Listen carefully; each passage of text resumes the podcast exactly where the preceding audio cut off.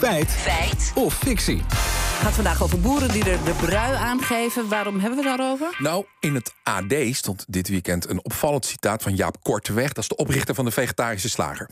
En Jaap zegt: iedere generatie verdwijnt twee op de drie boeren. Nou. Dat er door de schaalvergroting veel boeren stopten, dat wist ik wel. Maar dat er zoveel zijn, ja, dat is toch echt een verbazingwekkend uh, hoog getal, 2 op de 3. Ja, dat, dat uh, ben je gaan uitzoeken. Neem ons eens mee. Waar nou, ben je begonnen? We, we gingen eerst bellen met historicus en landbouw deskundige, landbouwkundige André Hogendijk. Hij zegt dat er onder andere steeds minder boeren komen, inderdaad, door die schaalvergroting, die al eeuwenlang gaande is. Hij geeft een sprekend historisch voorbeeld. De uitvinding van de karrenmolen in de 17e eeuw. Melk, dat moet je karnen, daar kun je er boter van maken en dan hou je de karnemelk over. Uh, dat deed men vroeger deed men dat in een grote ton en dat deed men met de hand. Dat was vaak de boerin die moest stampen. En toen vond men in de 17e eeuw vond men uit van nou, je kunt dat ook met een paard doen. Je doet hem oogkleppen op en je laat dat paard alsmaar rondjes lopen om die ton heen. Dan kun je veel meer melk in één keer karnen. En dan kan de boerin in die tijd wat anders gaan doen. Oké, okay, en die, die schaalvergroting is dus al, uh, dat legt hij hier uit, eeuwen aan de gang. Uh, hoeveel boeren stoppen er hierdoor nou precies? Nou, dat vertelt de landbouwhistoricus Hogendijk uh, precies. In 1950 waren er nog 410.000 boeren in Nederland. En dat zijn er nu 52.000. Dus je ziet dat dat in uh, 70 jaar uh, ja, met de factor 8 is afgenomen. Nou, een enorme daling dus. André Hogendijk heeft het even vertaald naar het aandeel boeren dat per generatie stopt. Nou, als je uitgaat van een generatie van ongeveer een periode van 30 jaar... dan zie je dat inderdaad in de afgelopen eeuw zo ongeveer... in, het, in de generatietijd uh, tussen de helft en twee derde van de boeren stopt. Oké, okay, maar waarom stoppen zoveel boeren dan?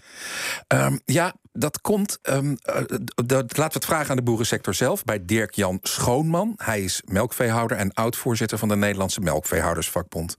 Nou, het belangrijkste is toch dat uh, de rentabiliteit uh, te laag is van een bedrijf. Als een bedrijf klein is en niet meegroeit met de tijd, dan uh, kom je op een gegeven moment op een punt dat er gewoon onvoldoende inkomen uit uh, het bedrijf gehaald kan worden. En dan uh, zegt een volgende generatie die eventueel het bedrijf zou kunnen overnemen, die zegt van nou, ik kan het niet doen, want ik kan het niet me permitteren om boer te worden. Dus het verdienmodel is zo slecht dat heel veel bedrijven op die manier zijn gestopt. Je ziet dus dat eigenlijk de grootschaligheid door onvoldoende rentabiliteit alleen maar toeneemt. Hij legt verder uit dat de melkprijzen de afgelopen 30 jaar vrijwel stabiel zijn gebleven. Dat lijkt goed, nieuws. Maar de kosten die stijgen wel. En de marges nemen dus af.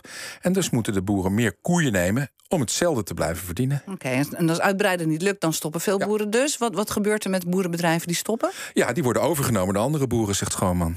En dan wordt zo'n bedrijf weer opgeslokt door een uh, bedrijf in de buurt uh, die uh, wel die stap kan zetten en, en met de financiering van de bank het bedrijf over kan nemen. En ja, die probeert nou ook weer een, een rendement te creëren. En die kleine knusse boerderijen van vroeger, dat zijn dus steeds vaker miljoenenbedrijven met meerdere filialen.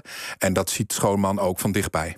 Dat heb ik hier bij mijn naast toevallig gezien, een, een groter bedrijf die dus op één locatie uh, steeds verder groeide en op een gegeven moment uit zijn jasje groeide. Had meer dan 200 melkkoeien, maar groeide uit zijn jasje. Had daar geen mogelijkheid om, om verder uit te breiden, om te bouwen. En die heeft dus uh, de buurman erbij gekocht bij mij. Je ziet inderdaad ook, ook in de melkveehouderij dat er bedrijven zijn die voor een tweede locatie gaan. Ja, hierdoor krimpt het aantal boeren enorm, maar aantal dieren nou, veel minder hard of niet. Oké, okay, ja, dan gaan, gaan, we terug naar het begin. Jaap Korteweg die zegt uh, elke generatie verdwijnt twee op de drie boeren. Klopt dat dan? Ja, ja Jaap Korteweg die zit wel aan de, aan de bovenkant van, van de gemeten bandbreedte, zeg maar. Maar per generatie stopt inderdaad tussen de helft en twee derde van het aantal boeren met hun bedrijf. Dus is het een feit. Oké. Okay.